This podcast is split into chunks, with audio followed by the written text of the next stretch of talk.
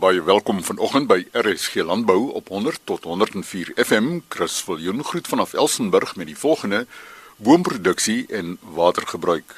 Studiebeurse is beskikbaar vir kinders van plaaswerkers.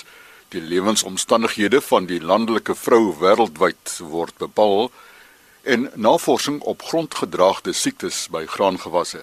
Tatenda Mapetu is lektor in boskunde aan die Nelson Mandela Universiteit se George Campus. Sy is ook besig met haar doktorale studies en gesels vanoggend oor haar studieveld. My postgraduate work is focusing on the measurement, the modeling and management of hydrological processes in natural and introduced tree production systems. I'm working in the Southern Cape region where I'm primarily focusing on the Afro-temperate indigenous forest and pine plantations that are intensively managed for sawn timber production. The context of my work comes from the fact that, as we know, hydroclimatically, South Africa is positioned in a semi arid area. It is a water scarce country. We have a mean annual rainfall, of 465 millimeters, which is less than half that of the world. A low rainfall to runoff ratio, how much rain comes down compared to how much gets in the rivers, the ratio is very low. Uneven rainfall distribution patterns and one of the highest variability coefficients. So, um, this water stressed environment that we have in this country uh, renders us also to be limited in terms of how much natural forest we have. And to give you figures, we only have about 300 square kilometers of forest, uh, which is just 0.1% of our total land mass. So, as a country, we are actually reliant on tree farming or plantations that are comprised of species not originating from this country, which we call introduced species, for all our fiber requirements, our timber requirements, as well as our pulp and paper requirements. And these plantations cover approximately 1.1 million hectares. However, the challenge with this is that tree production in this country is um, has got a number of environmental implications, and one of them is water. Plantations are mostly located on the seaward side of the Great Escarpment, and these regions also are the high rainfall regions of the country. 70% of our river water or surface water comes from these regions. Secondly, plantations also replaced lower leaf area vegetation. They replaced grassland. They replaced uh, fynbos type of vegetation if you are thinking of the Cape. So this therefore represents a land use change and a structural vegetation change that has an impact on the water balance of these catchments where we have plantations. So a good example would be increased evapotranspiration compared to grasslands compared to plantations. So this increased water use dynamic has been looked at since 1935 in particular with regards to their reduction in stream flow, how much water is reduced because you have put up plantations in the middle of a particular catchment. And as a result, we have managed this through permit systems to regulate the forest and water conflict. The first permit system was introduced in 1972, and now plantations are regulated through the National Water Act of 1998 is a stream flow reducing activity. You want to look for more reading on this, you can get seminal findings from Dr. Scott, Dr. Gush, Dr. Bosch, and Professor Jewett. While we now know that we're actually managing plantations as a function of them reducing stream flow because they've got higher evapotranspiration than the natural vegetation they replaced, it implies that we are actually managing these as a function of a single component of the water cycle, in particular evapotranspiration. Yet, the nature of the water cycle does not render the management of water resources in isolation. We have to look at the holistic picture. We have to look at the whole water cycle. Every land use decision in practice has a water resource footprint at one or more stages in the water cycle.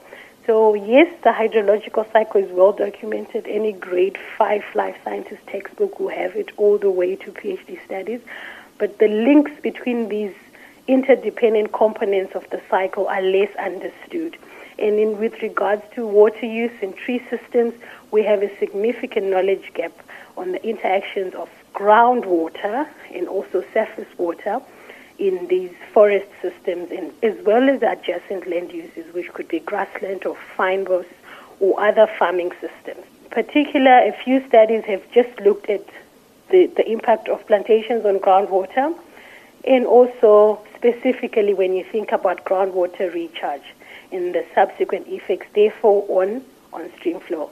So my work is now taking from what has been done in terms of managing plantations as a function of evapotranspiration and including the groundwater component. If X millimeters is lost to evapotranspiration, how much water actually recharges into the ground, particularly as groundwater becomes a more important water resource in a dry in a dry South Africa. So I hope to chat to you again when I have the results. My email address is tatenda.mapeto at mandela.ac.za. T A T E N D A, the dot, and then M A P E T O at mandela.ac.za. Tatenda Mapetu, lektor in boskunde aan die Nelson Mandela Universiteit se George Campus.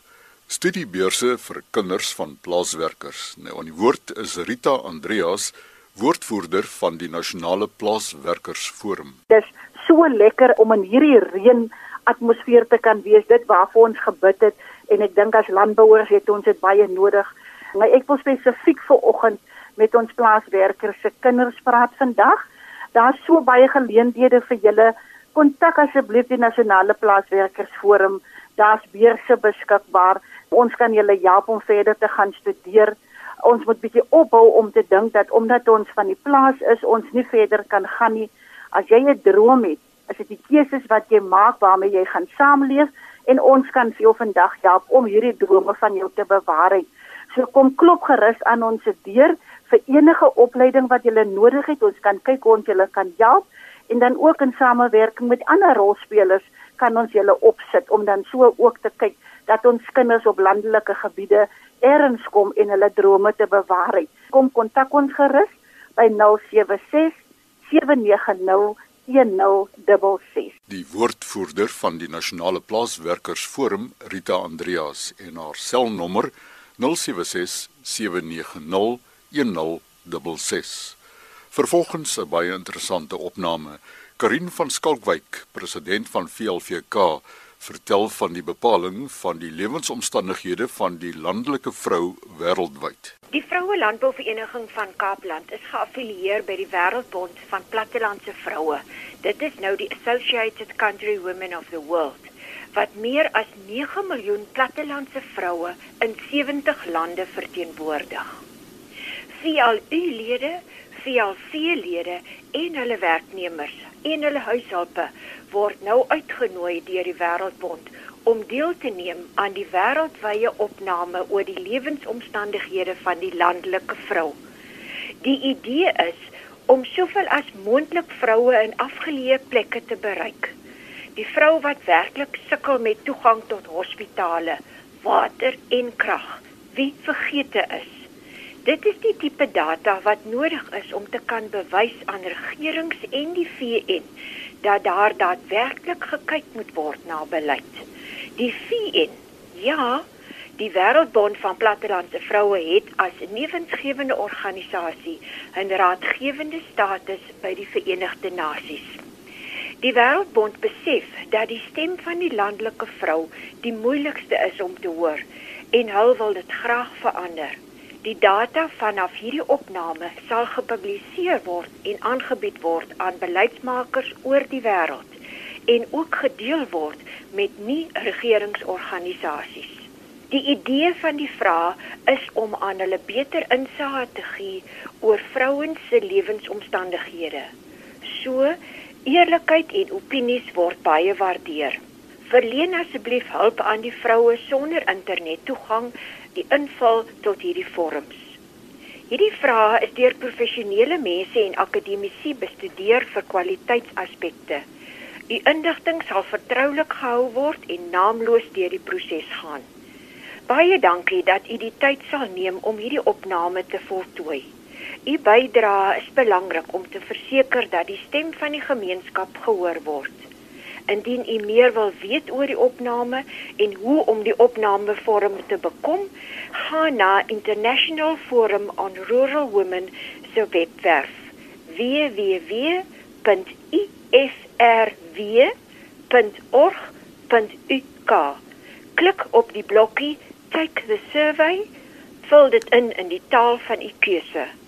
Besoek gerus die Wêreldbond van Plattelandse Vroue se webwerf www.icww.org.uk en VLVK se webwerf by www.vlv.co.za.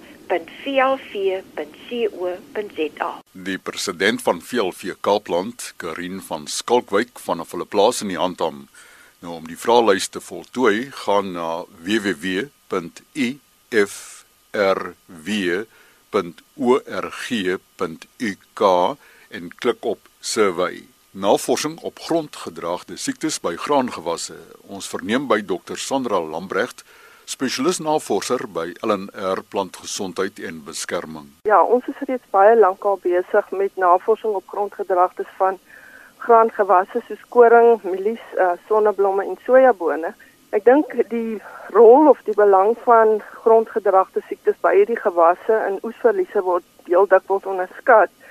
En ek dink die rede daarvoor is dat dit is baie makliker om boergrondse siektes waar te neem soos blaarvlekke en stamletsels terwyl mense nie altyd weet wat in die grond aangaan nie. En ek dink baie produsente is nie bewus van die toestand van die wortels nie. En wanneer mense dit gewoonlik uithaal en was dan sien mense heeldag kos heelwat wortelvrot. En baie keer in lande waar hierdie wortelvrot voorkom lyk die gewas op die oog af baie goed soos 'n koringland of familieland maar uh, mense sien heeldag kos heelwat wortelvrot nou die negatiewe effek van hierdie grondgedragte siektes, dit is nou siektes soos veiling afsterf, wortelvrot en kroonvrot, is dit plante wat se wortels nie gesond is nie, kan nie behoorlik water en voedingsstowwe opneem nie. En dit is vir ons baie belangrik om beheerstrategieë uit te werk om die siektes te beheer. Wat ook dikwels gebeur is dat die siektes word nie net deur een patogeen of organisme veroorsaak nie, maar dit word deur 'n kompleks en om hierdie komplekse te identifiseer is nie maklik nie. Dit is nog 'n uitdaging, maar met molekulêre tegnieke kan ons deesdae baie uh, maklik hierdie identifikasies doen. En daarna uh, moet 'n mens dan patogenisiteit doen om die virulensie van die verskillende patogene te toets en te kyk watter van hierdie patogene is die belangrikste in die komplekse. Dit is 'n taamlike tydromende proses, maar dit is vir ons baie belangrik want dit bepaal ook uiteindelik die tipe beheerstrategie wat 'n mens uitwerk. Ons doen heelwat werk op saadbehandeling en dit is veral effektief teen saailing afsterf. Want saailing afsterf is 'n groot probleem by vestiging van gewasse. Maar een van die belangrikste beheerstrategieë vir grondgedragte siektes is wisselbou. Dit is veral belangrik by bewaringsboerdery, waarop daar deesdae baie gefokus word. In bewaringsboerdery gebruik die produsente minimum bewerking of geen bewerking en van die plantreste word dan op die grond gelaat. Dit word nie ingewerk nie en baie van die patogene kan lank oorleef op hierdie reste. So dit is baie belangrik dat 'n mens die regte wisselboustelsels het en daar is natuurlik besig ook 'n groot fokus op dekgewasse vir algemene dekgewasse en dit is vir ons baie belangrik om uit te vind watter van die dekgewasse is ook vatbaar vir patogene van die hoofgewasse want anders gaan hierdie wisselboustelsels nie werk nie of die dekgewasse nie werk nie. Dit is baie belangrik om te onthou dat wortelgesondheid is 'n baie belangrike komponent of 'n indikator van grondgesondheid en ons probeer regtig alles in ons vermoë om wortelgesondheid te bevorder. My e-pos is lamprecht@iac.agric.za. Dr Sandra Lambrecht, spesialis navorser by LNR Plantgesondheid en Beskerming en haar e-posadres l a m p r e c a t s by arc.agric.za. Dan RSG Landbou môreoggend om kwart voor 12. Ek dink iets soos 350 380 miljoen ton plastiek word vervaardig elke jaar wêreldwyd En omdat daar minder as 20% van daardie plastiek weer herwin word of weer verbrand word in sekere prosesse, land die oorgrootste meerderheid, 80%, land op een of ander manier weer terug in die omgewing.